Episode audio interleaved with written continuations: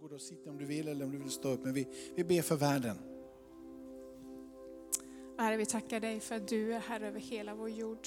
Herre, tack för att du har ögon som ser alla som söker dig just nu, Herre. Herre, vi ber för dem som känner sig isolerade i denna coronavärld. Herre, de som känner sig ensamma, de som inte riktigt vet vem som bryr sig om dem. Herre, tack för att du bryr dig. Tack för att du ser oss alla, Herre. Herre, vi ber att alla som vänder sig till dig ska få uppleva dig. Herre, vi ber om din församling, att vi ska gå ner på våra knän och söka dig för folket, Herre, för den här världen som behöver dig just nu. Vi ber om din nåd över alla sjukhus, Herre, över alla som har corona, alla som har ont i hjärtat, i ångest eller oro eller vad det är. Herre, kom med din nåd, kom med din närvaro, kom med din kärlek, Herre. Herre, tack för att du har hela världen i din hand som vi sjunger, Herre. Och det är sant, du har kontroll, Herre. Du vet vad som händer och vi vänder oss till dig. Vi ber om dina ögon, vi ber om din kärlek, Herre. Och vi ber om din nåd, Herre. Stoppa coronas framfart. Vi ber om vishet över makthavare som fattar beslut. Vi ber om tålamod i människors hjärtan, Herre, när det gäller att hålla distans. Herre, vi ber bara om din nåd och din närvaro och din kärlek. Vi ber för församlingarna, Herre, som söker dig. Vi ber om ditt beskydd. Vi ber om tro, Herre. Vi ber om lyfta ögon och böjda knän eh, inför dig. Vi välkomnar dig här och vänder oss till dig. Tack för din nåd och din välsignelse. Tack för frälsning i vårt land, i vår stad. Eh, tack för att du går på gatorna, Herre. Du går i alla rum och i alla hem och du känner oss alla. Tack för att det här ska få bli en väckelsetid där vi vänder oss till dig. Vi som känner dig och de som inte känner dig. Att vi tillsammans får söka dig och finna dig. Vi kommer gå in i en höst, Herre, där vi får växa som familj och se hur du förändrar vår så tack för din nåd och din kärlek. Vi älskar dig och tillber dig. Och vi bara ärar dig idag och ger dig ära och pris i allt Herre. I Jesu namn. Amen. Innan som jag predikar, Marie, det var, du var så, det var så härligt när du vittnade i tisdags. Jag vet inte om du säger samma sak idag, men, men du får säga vad du vill. Och vad jag, känslan är att du vill att jag ska ge dig hela mikrofonen här. Ät inte upp den.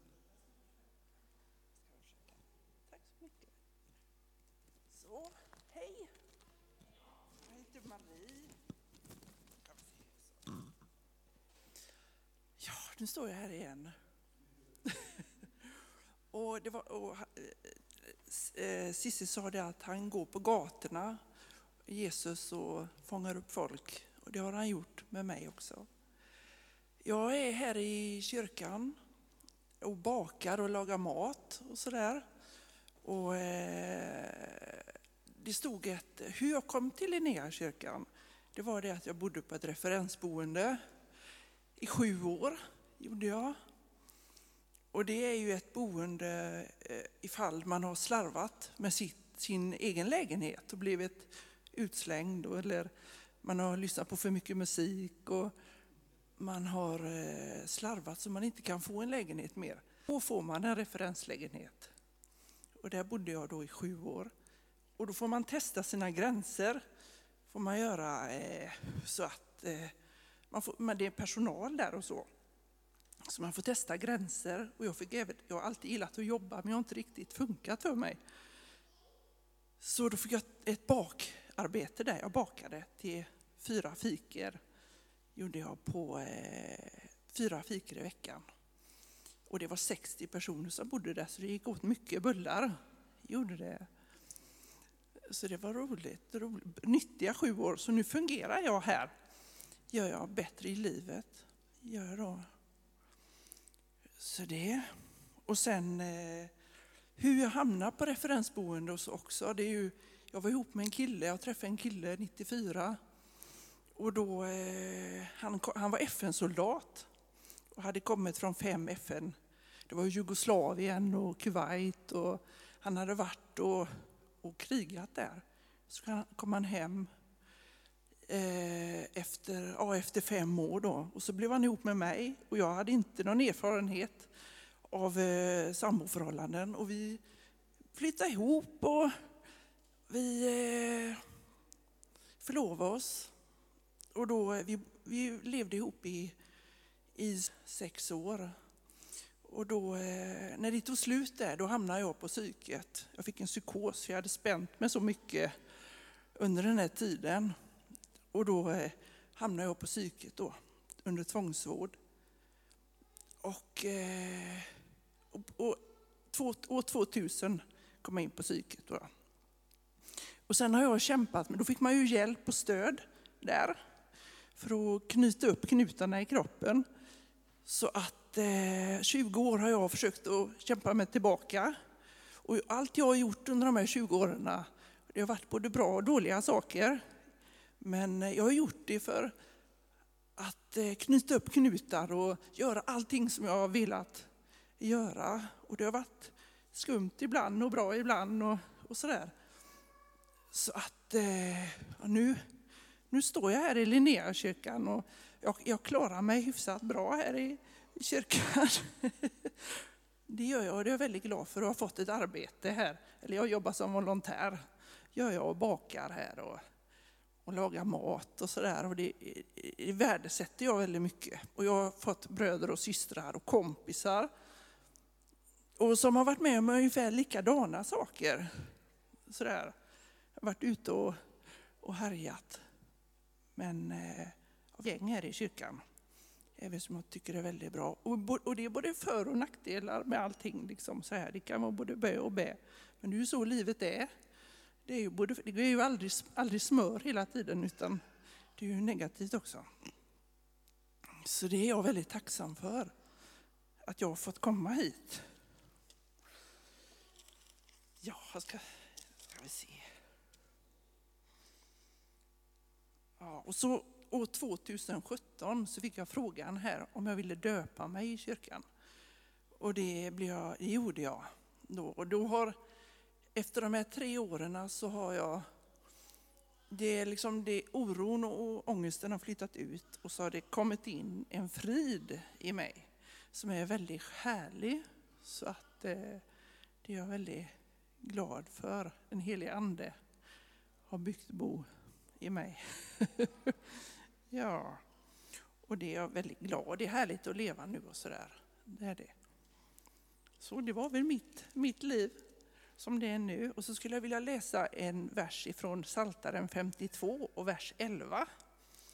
Jag ska tacka dig i evighet för det du har gjort. Inför dina trogna ska jag hoppas på ditt namn, för det är gott. Ja, det var mig det.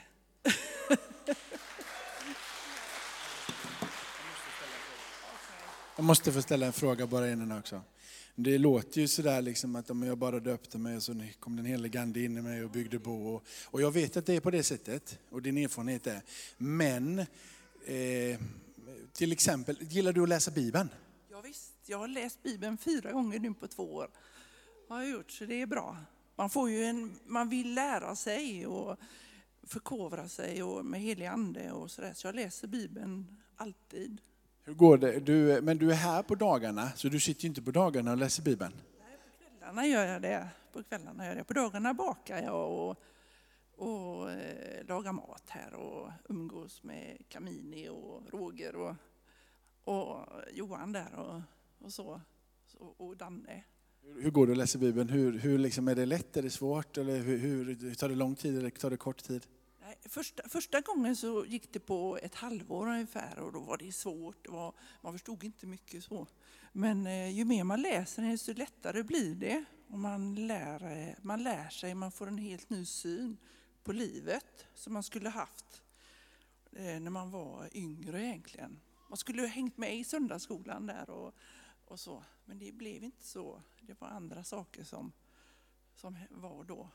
Som jag säger, alltså, Bibeln betyder ganska mycket för dig? Ja, det gör det. är hela mitt liv. Jag håller på, man blir omgjord på något sätt. Blir man eh, emot vad man var innan. För då var man hård och tuff och, så här, liksom, och gjorde vad man ville. Och, men det, var ingen, det här är ju mycket bättre. Det är det med heliga anden också. Den, liksom, det är ju verkligt att Gud finns och Jesus har funnits. Och, och så. Som jag skulle säga så kunde du säga att du behöver den helige Ande. Ja, det måste man ha. Och så behöver du Bibeln. Ja, och så behöver jag Linnéakyrkan. Du behöver en församling också helt enkelt. Underbart. Vill du be med oss en kort bön? Men du be en kort då. Ja, käre Jesus. Se oss här i Linnéakyrkan och lägg din hand över alla oss här. Och sätt på oss skyddsrustning ifall vi behöver det. det är. Käre Jesus, tack för att du är med oss här och finns i våra liv.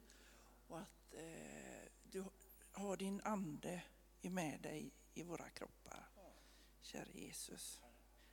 Amen. Amen. Vi ger henne en applåd. Va?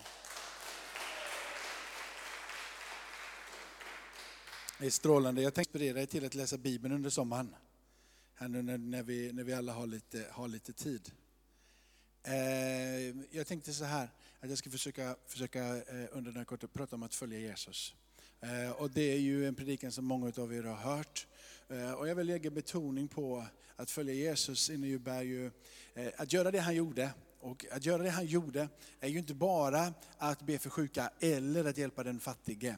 Utan för att bli det som eh, Jesus har kallat dig och mig att bli, som han säger till sina lärjungar, att vi ska bli människofiskare, följ honom. Så inkluderar det ju både våra kärleksfulla ageranden, men det Eh, eh, eh, inkluderar ju också att vi ska be för den sjuke. Och hur man kommer vidare här och får de här två att gå ihop i sitt liv är det som är min, min mening med den här predikan. Så låt oss börja med från Matteus kapitel 4. Matteus kapitel 4. Jesus möter de här härliga fiskarna och han säger till dem, kom följ mig så ska jag göra er till människofiskare. Det som när jag var liten och de här orden kom till mig när, när jag hörde människor predika, så det första man refererade till och tänkte på, och det som blev det stora ämnet, det var att gå ut och vinna människor för Jesus. Gör det nu. Och det är ju faktiskt, det står här, men att bli människofiskare, att eh, bli och göra det som Jesus gjorde, eh, går inte på en enda sekund. Eh, det som har hänt på din insida, ditt vittnesbörd om vem Jesus är, det kan vi dela direkt med alla de människor som vi möter. Men att lära sig att bli en människofiskare inkluderar att ha Jesus som mästare. Att se på Jesus, att höra vad Jesus sa. Att göra de gärningar som Jesus gjorde.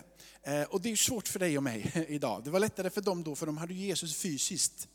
Eller hur? Jesus var där med dem, så de hade ju the real action framför sig. Du och jag har det här ordet givet till oss, inspirerat utav den heliga Ande. Och utifrån det här så kan vi se och uppfatta allting det som Jesus gjorde. Vi behöver det skrivna ordet för att förstå vem Jesus är. Men vi behöver det levande ordet som transformerar oss, mötet med Jesus, det livsavgörande mötet med Jesus.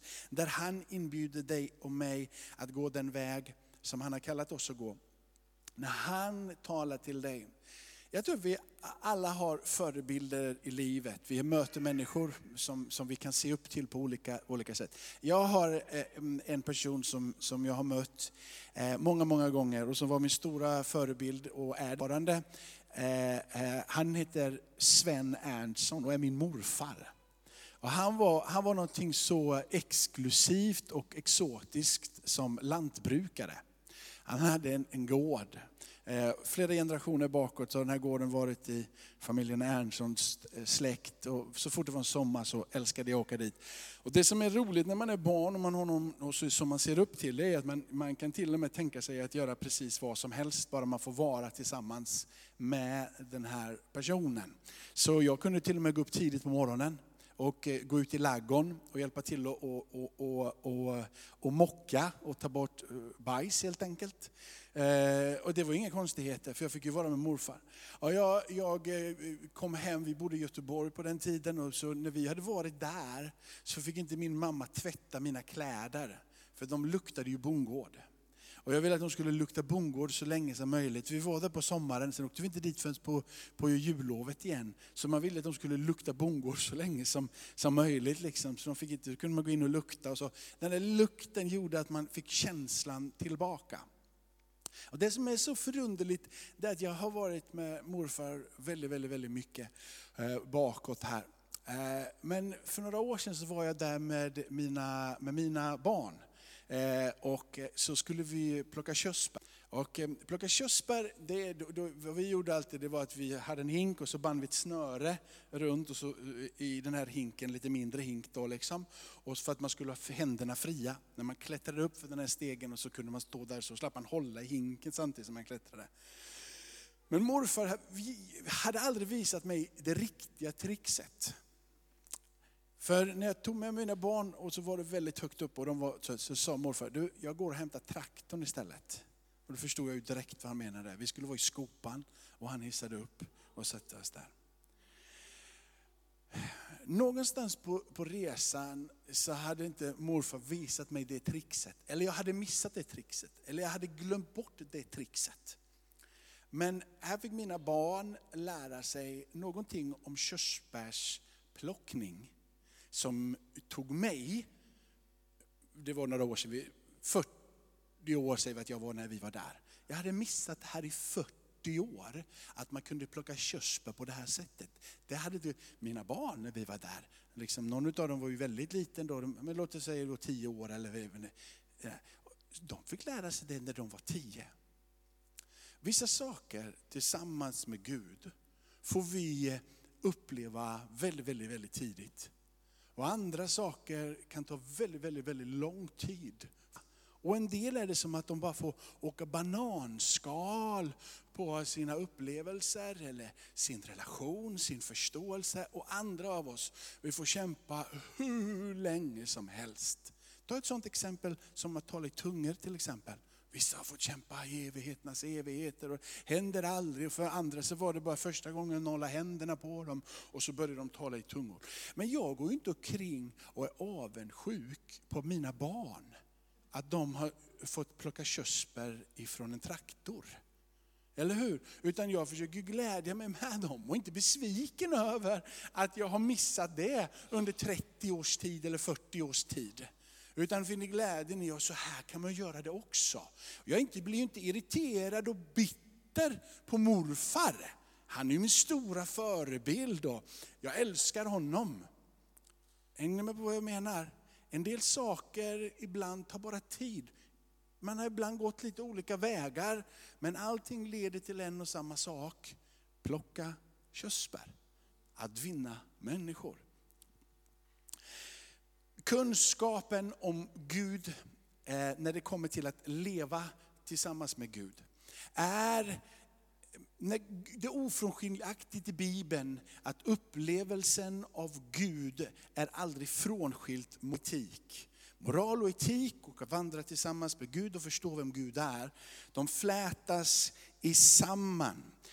Vi vill lära oss gärna, alltså var, varför tog det så lång tid den här resan? Varför kunde inte bara Gud direkt sätta mig, om jag får använda bilden, på en traktor flak eller traktor ur den här skopan. Varför gjorde han inte det med mig när han gjorde det med de här? Och de här sakerna tillsammans med Gud, varför hände inte det direkt? Jag önskade att det skedde. Vi har inte alla svaren, men Gud tar dig och mig på en individuell resa för att vi ska förstå vem han vill. Vi skulle nog alla välja den lättaste vägen om det var möjligt. Helst drive through med allting vad vi har i livet. Bara man kunde köra McDonalds rakt in på vad det än må vara i livet. Bara rakt igenom, du beställer vad du vill, det är klart på en hyfsat snabbt i alla fall.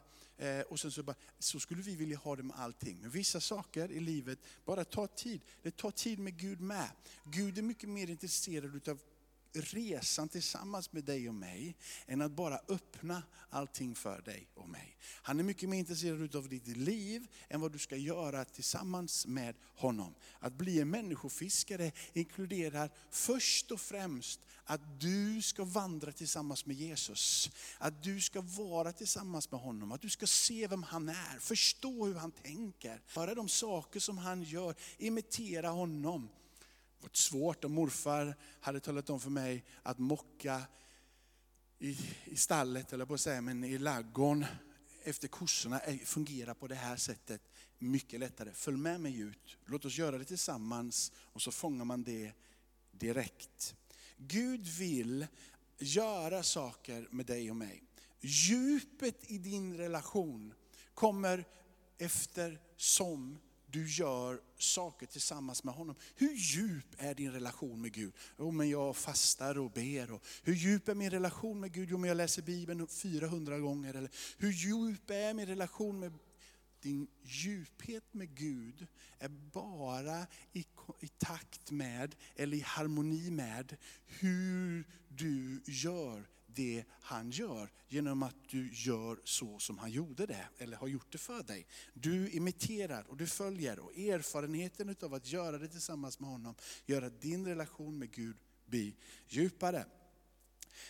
Två stycken bibeltexter här i början för att poängtera att det inte handlar om att bara älska och ta hand om, utan det handlar också om att be för den som är sjuk. Så här säger eh, eh från Markus 16. Markus 16, Jesus avslutar när han lämnar lärjungarna. Observera, han har vandrat tillsammans med dem i tre år, han är på väg att lämna dem och fara upp och sätta sig på Faderns högra sida. Och så säger han till sina lärjungar, dessa tecken ska följa den som tror. I mitt namn ska de driva ut onda andar, de ska tala i nya tungor, de ska ta ormar med händer, de ska dricka, och dricker det något dödligt gift ska de inte skada dem. De ska lägga händerna på sjuka och de ska bli friska. Och det här är ju någon form av liksom fyrverkeri och vi bara kastar oss in i det här bara så vi vill se att det ska hända. Och vissa kyrkor har poängterat det här så mycket och så har man pratat om det här så mycket och så har väldigt lite hänt och så har väldigt många människor blivit irriterade, sura, kanske lite bittra och så vill de inte mer höra talas om det överhuvudtaget. Det är en typ, va, utav, det bara blir så här, för man har olika erfarenheter, olika förståelse och det är inte konstigt. Men kom ihåg att jag blir inte sur på mina barn för att de fick lära sig att plocka körsbär på ett annat sätt än vad jag gjorde. Så här står det i bergspredikan, som är liksom när Jesus undervisar eh, ifrån Matteus kapitel 5. Och det här är livssvårt att göra, jättesvårt. Jag säger älska era fiender och be för dem som förföljer er. Jesus andas ut innan han ger en befallning att de ska be för de sjuka. Att de ska älska fiender. Det är som om att han börjar och bjuder in dig och mig på det som är det svåra. Och det är att ta hand om varandra. Han börjar med att säga att vi ska omfamna varandra, vi ska älska, vi ska göra det här. Hela bergspredikan är fylld av moral och etik. Alltid i samklang med förståelsen, och uppenbarelsen vem Gud är. Gud säger ju inte det som han gör i bergspredikan utan att själv vara sådan. Det är inte så att han är någon och så säger han till dig någonting som inte han själv är. Han föregår alltid med det goda exemplet. Han är den som visar hur det ska levas ut. Så här står det i psalm 111, har jag inte tagit upp, har jag inte tagit upp men i psalm 111 så står det ungefär så här. Att frukta Herren är viset till begynnelse. Och så står det att insikt, att komma till insikt och förstå vem Gud är, det börjar med att du gör hans vilja. Att göra hans vilja är att börja förstå vem Gud är. Så när Gud säger följ mig, och du säger ja, jag följer dig men jag gör inte som du säger så eh, kan du aldrig börja förstå vem Gud är. När du säger, jag följer dig och jag gör som du säger, så börjar det du kan förstå om Gud genom insikt och uppenbarelse att trilla ner och ploppa i ditt hjärta. I femte Mosebok skriver jag nu upp. Va? Femte Mosebok så står det så här, för Herren är Gud, är gudarnas Gud och herrarnas Herre. Den Gud som är stor och väldig och inger fruktan, som inte är partisk och inte tar mutor. Han skaffar den faderlösa och änkan rätt. Han älskar främlingen och ger honom mat och kläder. Gud ger mat och kläder till främlingen. Så frågan blir ju, när Gud uppmanar dig och mig att hjälpa den som är i behov. Varför hjälpa den som är fattig? Varför hjälpa den som är i behov? Helt enkelt ganska enkelt, för att Gud gör det. Vill du lära känna Gud, komma till insikt om vem han är, så måste du göra det som han vill. Du måste göra det han gör. Då lär du dig att förstå vem Gud är. Så vill vi förstå vem Gud är, så måste vi hjälpa den fattige. Och vi hjälper den fattige för att Gud först hjälper den fattige. Men det finns djupare mening i det. Och det är att du ska förstå att du också själv har varit fattig. Det är inte så att du har haft allting på alla områden i livet. Utan du kan faktiskt känna med den som är fattig. Så varför ska vi hjälpa den fattige? Jo men för att du också har varit fattig. För att du har den upplevelse och du borde känna med den personen som är din medmänniska är fattig. Kanske inte på samma område som du är fattig, men på ett annat område. När du då gör det som Gud vill att du ska göra och du med din empati och med din medkänsla sträcker ut din hand så lär du känna Gud och du lär också känna och förstå vem du är. När du gensvarar och gör det Gud vill att du ska göra, så är det en direkt förklaring om vem Gud är för dig. När du gör vad han säger att du ska göra, så talar du om för dig själv, för Gud och för hela världen vem Gud är för dig. Om jag inte gör det som Gud säger, så är det ju frågan om vi verkligen följer honom. Det blir det som blir den motsatta reaktionen. Om vi säger att vi, för, om vi gör det som Gud gör vi på det sättet, säger att då älskar vi honom. Men om du då inte gör det, så är det ju frågan, är han verkligen din Herre och din frälsare? Genom att du, du kan inte lära känna Gud genom att bryta upp ifrån alla andra människor som finns runt omkring dig. Det vill säga att insikten om vem Gud är, uppenbarelsen vem han är, är inte frånskilt alla andra människor. Det går inte att sätta dig separat i ett hörn och fortsätta förstå här, utan att också göra det som Gud vill göra. Vi måste alltså göra för att förstå. Vi kan inte skilja oss ifrån människor och ställa oss utanför den och säga, jag har fullt insikt om vem Gud är. Och mitt liv med Gud är så viktigt så jag, jag drar mig undan helt och hållet. Jag sätter mig i mitt eget lilla hörn och jag kuckelurar i det här lilla hörnet för att jag vet vem Gud är och det Gud är det är så viktigt. Om Gud är så viktig som du säger att han är, så vill du också göra det som han gör. Vi kan inte fly bort ifrån det. Vi kan inte lära känna Gud och alla hans egenskaper isolerade ifrån andra människor. Det är närheten till andra människor som vi får möjligheten att göra det som Gud vill att vi ska göra och på så sätt komma till insikt om vem han är. Jag tror jag har gjort den poängen klar för oss idag. För att provocera fram det här ännu mer så står det så här i första Johannes brev det står det, om någon, om någon säger jag, jag älskar Gud men hatar sin broder, då ljuger han. Ty den som inte älskar sin broder som han har sett, kan inte älska Gud som han inte har sett. Vad Johannes säger, att den, det finns inte en inre kunskap om Gud, som du sen kan välja att praktisera eller inte praktisera. Antingen så har du mött med Gud och du säger att du vill vara hans lärjunge, Och då kan du älska din broder. Och då bör du älska din broder. Men du kan aldrig älska din broder som ett bevis på att Gud är i ditt hjärta. För Gud känner ditt hjärta. Så man kan inte säga så här, och se de där människorna, de älskar verkligen varandra. Det måste betyda att Gud finns i deras hjärta. Det är inget bevis på vad som finns i ditt hjärta. Men det som händer är att när du älskar de här människorna som finns runt omkring, det är att du börjar lysa så som Jesus vill att du ska lysa. Du är på väg att bli en människofiskare. När du och jag försöker bevisa att Gud är Herre i våra liv, så faller vi pladask till marken. Gud känner ditt och mitt hjärta.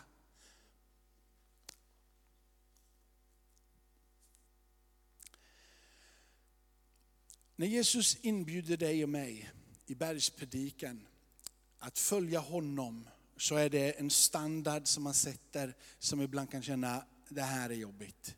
Det är, det är många saker här. Älska våra fiender, våra ovänner ska vi ta hand om. Och det sträcker sig oerhört högt upp. Kraften till att leva det här livet och ehm, kunna få stå tillsammans med Jesus. När Jesus kallar dig och mig att gå ut i hela världen, att göra lärjungar, att leva så som han levde, att göra de gärningar som han gjorde, både att ta hand om, men också att be för den sjuke. Och faktiskt som det står, att kasta ut demoner, att driva ut demoner. Så började livet i bergspredikan. Det går inte att hata sin broder och kasta ut demoner. Det går inte att hata sin broder och lägga händerna och säga låt Jesu blod rena, låt Jesu namn hela. Det är en omöjlighet. Så det börjar det livet som du längtar efter. Om du längtar efter att få se mirakler ske i ditt liv, så börjar det att du tar bergspredikan på fullaste allvar. Bergspredikan ger oss inte en moral och etik, även om livet med Gud aldrig skilt ifrån moral och etik. Men bergspredikan är ett ord från Jesus själv att väcka dig att leva så som han levde. Eh, när vi hörde ett vittnesbörd här innan, innan ni, ni som lyssnade där hemma fick komma in. Men den som vittnade talade om att fått möta livet nu på lite annorlunda sätt. Jag tänker så här, när du och jag inte var frälsta och uppleva den kärlek och den värme och den frid som finns på vår insida, så reagerade vi på det vi mötte i världen, i alla fall jag, på ett helt annorlunda sätt. Och många som man pratar med, som har fått uppleva Jesus i sitt liv, säger att innan när det här skedde, så var det här min reaktion. Jag högg som en kobra. Jag blev lika taggig som ett igelkott. Man reagerade på ett sätt men när Jesus fick röra vid våra hjärtan så ville vi inte låta taggarna vara utåt. Vi ville inte att kobran skulle resa sig upp och hugga. Utan vi ville låta den där huggan få bli tämd. Vi ville att de där taggarna skulle få bli lite, lite mer runda. Vi längtar efter att inte slå tillbaka utan vi längtar efter att omfamna. När det är din reaktion på de människor som finns runt omkring dig, så skulle jag uppmana dig, våga också ta din kanske darrande hand, men att lägga på den som är sjuk och be. När vi möter nya situationer med nya förutsättningar, så är det inte alltid så enkelt och naturligt. Jag tänker också när det kommer till sjukdomar. Vi är vana, många av oss, att, att att se att du får ett sår på din hand, så vet vi att såret i din hand, den läker utav sig själv. Om det inte är för djupt så du behöver sy det. Men om du får ett litet, litet sår så finns det förundligt. Gud har lagt ner läkande kraft i våra kroppar. Du behöver således inte gå till en läkare. Men om du nu mot förmodan skulle få ett ännu större sår, så du behöver gå till en läkare. Så har vi lärt oss att vi ska gå till en läkare och det är bra och det ska vi fortsätta och det ska vi alltid göra. Men du kan också bli påmind genom att genom hans sår så kan vi få ta emot läkedom. Helt plötsligt så kan vi få möta en sak som händer i världen med ytterligare ett perspektiv. Perspektivet utav att ett sår läker för att det finns läkande kraft i kroppen finns fortfarande där. Möjligheten till att gå till en läkare kommer fortsätta att finnas där. Men möjligheten också att få lägga det i Guds händer och låta Gud få vara den som griper in är där.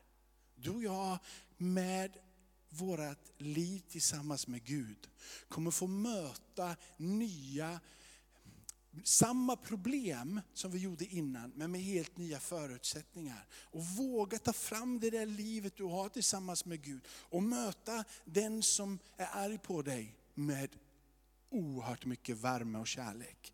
Våga ta det som är smärta i din kropp. Inte bara tänk att den kommer att läka ut av sig själv. Det kommer många utav de smärtor vi har att göra. Inte bara tänka att vi går till en läkare, utan också våga lägga det i Guds händer och be om läkedom och kraft. Jesus agerade på ett sätt som han vill att vi ska agera. Men när han gör det så måste vi också komma ihåg att han har gått den yttersta. Om du har fått möta lite hat, så har han fått möta all hat. Om du har fått möta lite orättvisa så har han fått möta all orättvisa. Splittring och osämja, så står det att då vill han komma med försoning. Han har satt oss i en försonande tjänst. När Jesus säger och uppmanar dig och mig att försonas med de människor som vi har runt omkring oss, så är det ett gensvar på att han själv kom till världen för att försona världen med Gud. Jesus uppmanar inte dig och mig att göra någonting som inte han själv har gjort. När han pratar om att du inte ska ha begär, som man gör i bergspredikan, döm inte, ha inte begär, så eh, talar han om sina egna frestelser. När han får utstå kampen emot den onde för att bevara friheten att göra Guds vilja. Han har själv stått där, han vet vad det är, så att han kan utmana dig och mig att inte gå bortanför Guds vilja. När han talade om att sanningen skulle få präglat vårt språk, är att jag ska vara ja, är att nej ska vara nej, att vi inte ska ljuga, så är ju det ett gensvar på hans eget liv i sanning och i konsekvens när han levde här på jorden. Han var sann rakt igenom. Han är den enda som kan uppmana dig och utmana dig att vara sann. För han var sann. När han talar om att vi ska älska våra fiender, så är det ytterst sett ett gensvar när du och jag väljer att göra det. Ett gensvar och en bekräftelse på att vi har sett honom gå, sin e gå hans väg till korset. Vi har sett honom gå till korset. Där han, genom att han går till korset, bevisar för hela världen att han älskar hela världen. När vi väljer att älska våra fiender blir det ett gensvar på han till korset. Vi säger, vi tror på den vägen. Det tar tid. Vissa saker sker otroligt snabbt. Som för mina barn som fick lära plocka, plocka körsbär på ett helt annorlunda sätt än jag. De fick lära sig någonting sånt där. Men mycket av livet sker genom processer. När man ska gifta sig och man står där så, så säger den som viger mannen och kvinnan att i med och motgång, i glädje och i sorg, död och liv. Erfarenheten säger att vi kommer gå igenom ganska mycket i livet. Men det handlar inte då om att ge upp. Vi kommer gå igenom så mycket sorg, så mycket elände, så vi slutar redan här.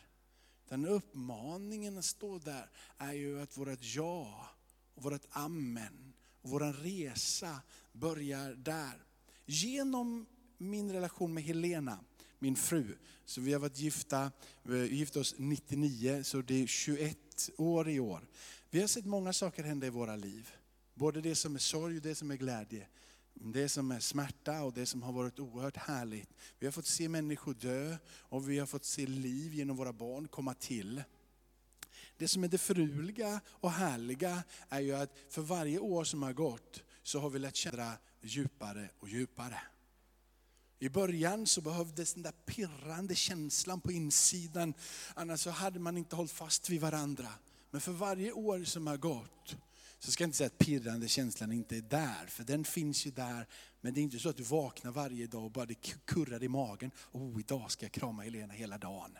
Det, det, är inte samma sak längre som det var då, då i början. Vet du, folk var så irriterade för var vi än åkte skulle vi sitta och hålla handen i bilen. Och, och man skulle liksom sitta jämte varandra i soffan. Och man fick inte sitta, man skulle vara så otroligt nära för att det pirrade liksom hela tiden.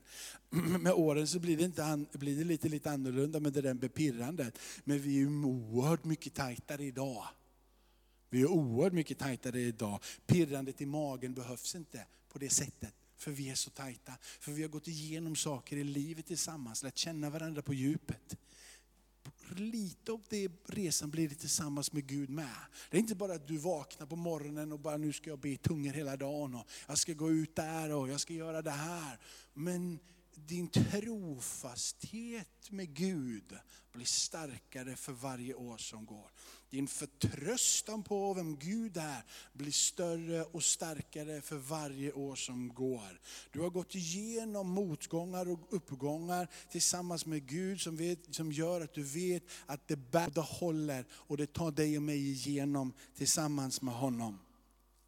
Erfarenheten utav vandringen tillsammans med Gud, där hittar du djupet i din relation med Gud. Inte genom de där insikterna, inte genom de där uppenbarelserna som handlar om dig och din isolerade upplevelse. Men just den vandringen tillsammans med Gud, vandringen tillsammans med medmänniskor. Där ser du djupet i ditt eget liv med Gud. Hur hanterar du en kris? Hur hanterar du smärta? Hur hanterar du glädje? Hur för du samman hela det här fantastiska livet du har tillsammans med Gud i varje omständighet, i situation som du möter. Där märks och syns hur djup din relation med Gud är. Är det bitterheten som kommer upp när du känner orättvisa? Är det avundsjuka som kommer upp när du ser att någon annan lyckas? Är det ilska som kommer upp när någon är kanske förvänlig och snäll emot dig? Vad är det som ploppar upp ur ditt liv när du står i varje situation? Jesus avslutar orden, jag tror att vi har Matteus 28. Han avslutar mm, Matteus 28 på det här sättet. Markus läste vi innan. När han har tagit igenom den här vandringen, lärt dem hur de ska bete sig, visat hur man ber för sjuka, visat hur man möter den som är elak genom både vittnesbörd och liknelser och situationer, hur man ska agera mot de andra. Så träder han fram på slutet innan himmelsfärden och säger, då trädde Jesus fram, han talade till dem och sade, åt mig har getts all makt i himmelen och på jorden. Gå därför ut och gör alla folk till lärjungar. Döp dem i Faderns, Sonens och den helige Andes namn och lär dem hålla allt som jag har befallt er. Och se, jag har det med er alla dagar till tidens slut. Därför så går vi ut härifrån och många andra kristna, många andra kyrkor går ut och talar om att du behöver döpa dig i Faderns, Sonens och den heliga Andes namn. Du behöver göra Jesus, inte bara till din frälsare, utan till din mästare. Och därför tar vi också det levande ordet och det skrivna ordet, ordet och anden. Försöker förstå och lära oss allting om vem Jesus är. Så vi kan leva det liv som han vill att vi ska leva. I kärlek till andra människor, men också genom att be för den sjuke och kasta ut onda andar. Gud välsigne dig som lyssnar där hemma. Amen. Tackar dig Fader i himlen att vi får mötas. Att vi får eh, tala ut din skrift Herre.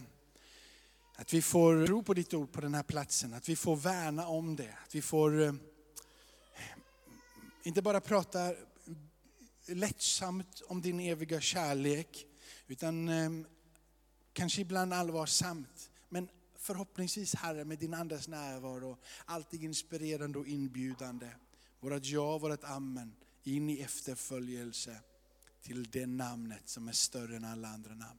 Därför att vi får tala om ditt rike. Därför att det finns ett rike som inte är av den här världen. Och det Guds riket vill vi bjuda in till. Det Guds rike, förståelsen om ett annorlunda rike. Ett rike där man kan bli sedd och älskad och bekräftad ett rike där man får säga, jag är barn till den evige guden. Han är min gode fader i himmelen. Därför så vill vi idag igen säga vårat, vårat ja, vårt amen till dig. Vi säger vi vill vara dina efterföljare. Vi vill vara dina lärjungar. Vi vill inte bara ha dig som frälsare utan vi vill lära utav dig och vi vill göra dina gärningar. Kom och ge oss den kraften och ge oss den styrkan. Välsigna avslutningen av den här gudstjänsten, Herre. Amen. Ska vi stå upp tillsammans och sjunga? Och vill du ha förbön så, så ber vi gärna tillsammans med dig. Tänk på att hålla avstånd bara, om ni kommer fram här så ni inte vi håller avstånd. Låt oss sjunga några sånger och så ber vi för varandra.